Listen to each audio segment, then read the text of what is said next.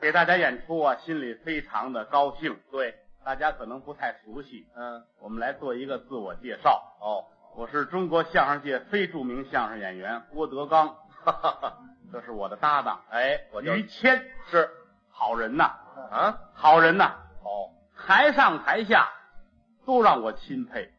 哎呦，不敢，相声说得好，嗯，台下为人处事也好。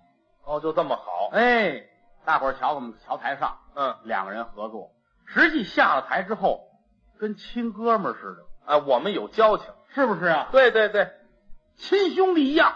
哎，这是，在中国来说，交朋友可以追溯到很早以前。哦，有古人，最早有一位杨左之交，嗯，大伙儿都知道。杨左之交列国的时候，有典故吗？杨觉哀、左伯桃，哥俩很好，嗯嗯出外求官去，走到中途天降大雪，嗯，俩人穿的衣服都少，哦，带的干粮也少。如果说这衣裳搁在一人身上，啊，干粮给一人吃，这人能活；哦，俩人分开了，谁也活不了。全不够了，左伯桃够朋友，怎么把衣服脱下来给梁觉哀，把干粮也给梁觉哀，自己是冻饿而死。你看这个交情啊，这个朋友啊，显出来了，如果说咱哥俩遇到这种情况，嗯你能把衣服给我，把干粮给我，为我而死吗？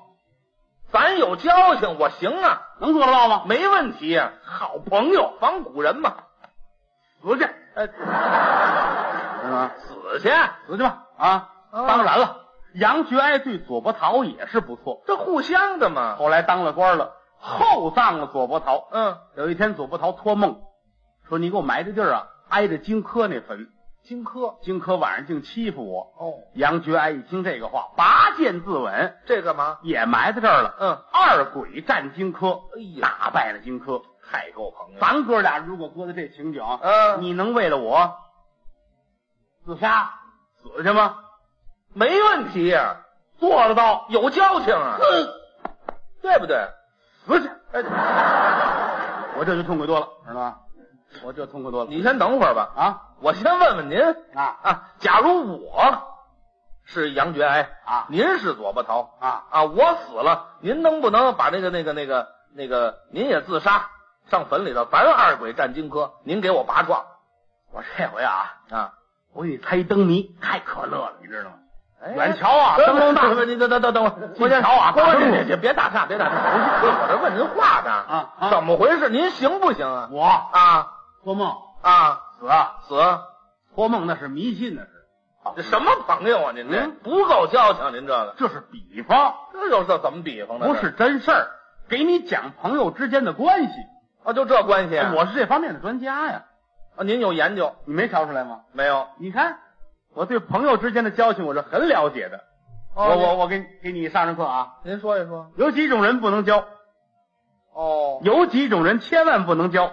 都什么样的人不能交啊？第一，打车坐到后边儿这不能交，打车坐后头。出去打车去，嗯车来了拉车门上这，没什么有坐前面有坐后边的，啊，总抢着坐后边那个别交，为什么？坐后边不结账。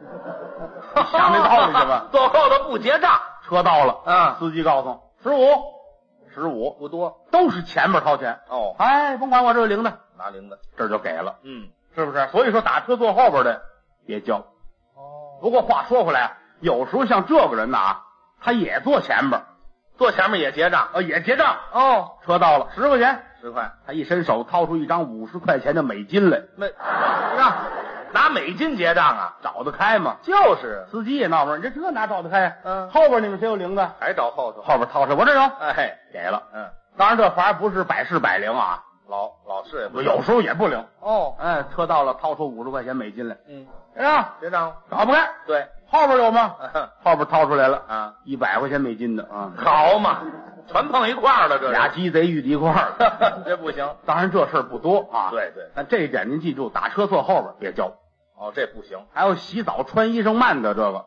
都不能交，这洗澡穿衣裳慢，这有什么呀？学问呐、听着啊，这怎么研究呢？哥儿几个不错，嗯，找一洗浴中心，咱们洗个澡去吧。这很正常。这一进门，单有这个主，什么都要，哦，全套的。呵，弄头发呀，什么搓背呀、嗯刮痧呀、什么修脚啊、足疗，没有要不到的，哦，连饮料带小吃来一通足的。你看看，赶等结账走的时候，嗯人家穿的都快，穿好站着等着。嗯，他是一只袜子穿七回，嚯，穿完脱下来，哎，这错了，这是右脚的啊，嗨，这袜子还分脚吗？这个诚心吗？啊人家热呀，呵，快点啊，这一身白毛汗，得了，我我们出去了，外边等你。啊，对外边吧。走到外边到银台这儿，嗯人几位把手牌一交，交钱哦，都得是先出来的交钱，都先出来吗？没有后出来交钱啊。没有吗？这几位出来，哎我们先走了，嗯后边那个结账，有，后边哪位结账？嗯后边没穿衣裳那结账 啊，后边一百多也没穿衣裳的了。就是澡堂子里头吗？所以说洗澡穿衣裳慢别交，哦，这也不成，还有吃饭快结账的时候上厕所，这人都不能交。吃饭还上厕所哥几个坐在一块儿吃饭啊，啊？汤也喝完了，牙也提完了，也漱完口了，该结账了啊啊啊啊！站起来奔厕所了。哦其实呢，也没什么可结的，哦，跟边那儿躲着。一瞧人结完账，他回来了，哎，哟，你结的怎么？嗯，废话，你老蹲着不回来，人还不结吗？ 就是嘛，哎呦，得罚你啊，这个不像话还罚。晚上晚上咱哪儿吃？晚上哪儿吃好？还勾着还得罚人家。啊？当然了，这个罚就一个人管用，哦，一桌四位都这样就不灵了是吗？啊，都差不多吃完喝完汤了，四位站起来都奔厕所蹲着去了。全接手，一会儿服务员进来了，哎，蹲着这四位哪位结账啊？好嘛，追这儿来了， 不像话。这不行。当然了，嗯时间长了，凡是这个样儿，交不了朋友，对对对，没人理他呀，也没有这样人。不带着吃饭不理他。嗯，不过他能逮着，他知道你们几个人总去哪儿，他等着你。哦，一出胡同，他那等着了。嘿，没有啊，都是朋友。今儿你们干嘛去？哦，还是我们吃电影去啊？好嘛，说漏了，这位都吓着了。不就吃饭去吗？嗯，干嘛呀？为什么不带着我去？哦，嫌我不花钱了？表演不够交情啊！吃你们几顿就这样，跟我走，干嘛？我请客。哦，他请客，谁不去我起誓。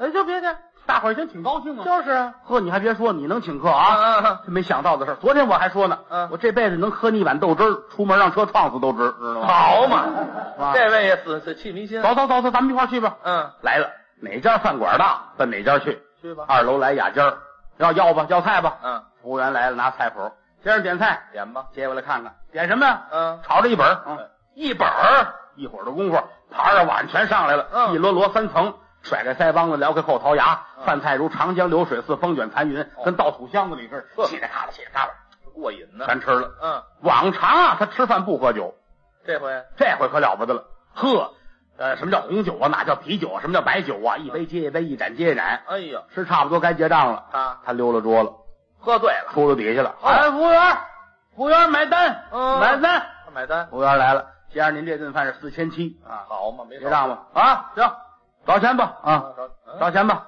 给钱了。吓坏了，还没给钱怎么找钱啊？是啊，我一进门儿是我在你们银台那儿存了八千块钱，去去去去找钱去哦，存钱了。啊！赶紧出去查去吧，嗯一会儿功夫又回来了，嗯先生真没有，你仔细查查。嗯我跟您说，连前年的账都翻弄了，好嘛，旁边煤铺都账都查了，没有查人家干嘛？啊，那不行，我这你们骗我，糊弄一下子，把这个桌都周了，周桌了，多讨厌，撒了酒疯了。你看看，这几个朋友就知道了，得了，别闹了，嗯我们知道了，我们又上套了啊！咱们仨人凑吧啊！骗了，这两千那八百这一千，把钱给人家。够吧？啊，伙计说了，这个啊，嗯这醉鬼我们弄不了啊，哦把他搀下，您您几位送走。仨人恨得很，那可不是嘛。搀到楼下打车，来车，来来来，给床子后边去。哦掏出一百块钱给司机，这个啊嗯，南六环给他拉南六环去啊。哦，嗯，住南六环，哦不对，就住这门口。啊，那干嘛拉拉拉？恨他呀，恨他呀，南六环给送走。哦，拉远远的。关上车门，车走了，一拐个弯儿，他就坐起来，停车！嚯哦嚯，司机吓一跳，啊嗯怎么了这是？给你钱了吗？给了，这不一百块钱吗一把抢过来，嗯得给你五块钱，我有月票。嗯太次了，这人。哎这个人上哪儿交朋友去？不是，您说这个，嗯也没这人，有这人，交不了朋友，为不了人呐。哪有这人呢？三十六七才找着一工作哦，啊，什么工作啊？跟我一块儿说相声。哎，我 呀，感谢您的收听，去运用商店下载 Patreon 运用城市，在首页搜索海量有声书，或点击下方链接听更多小说等内容。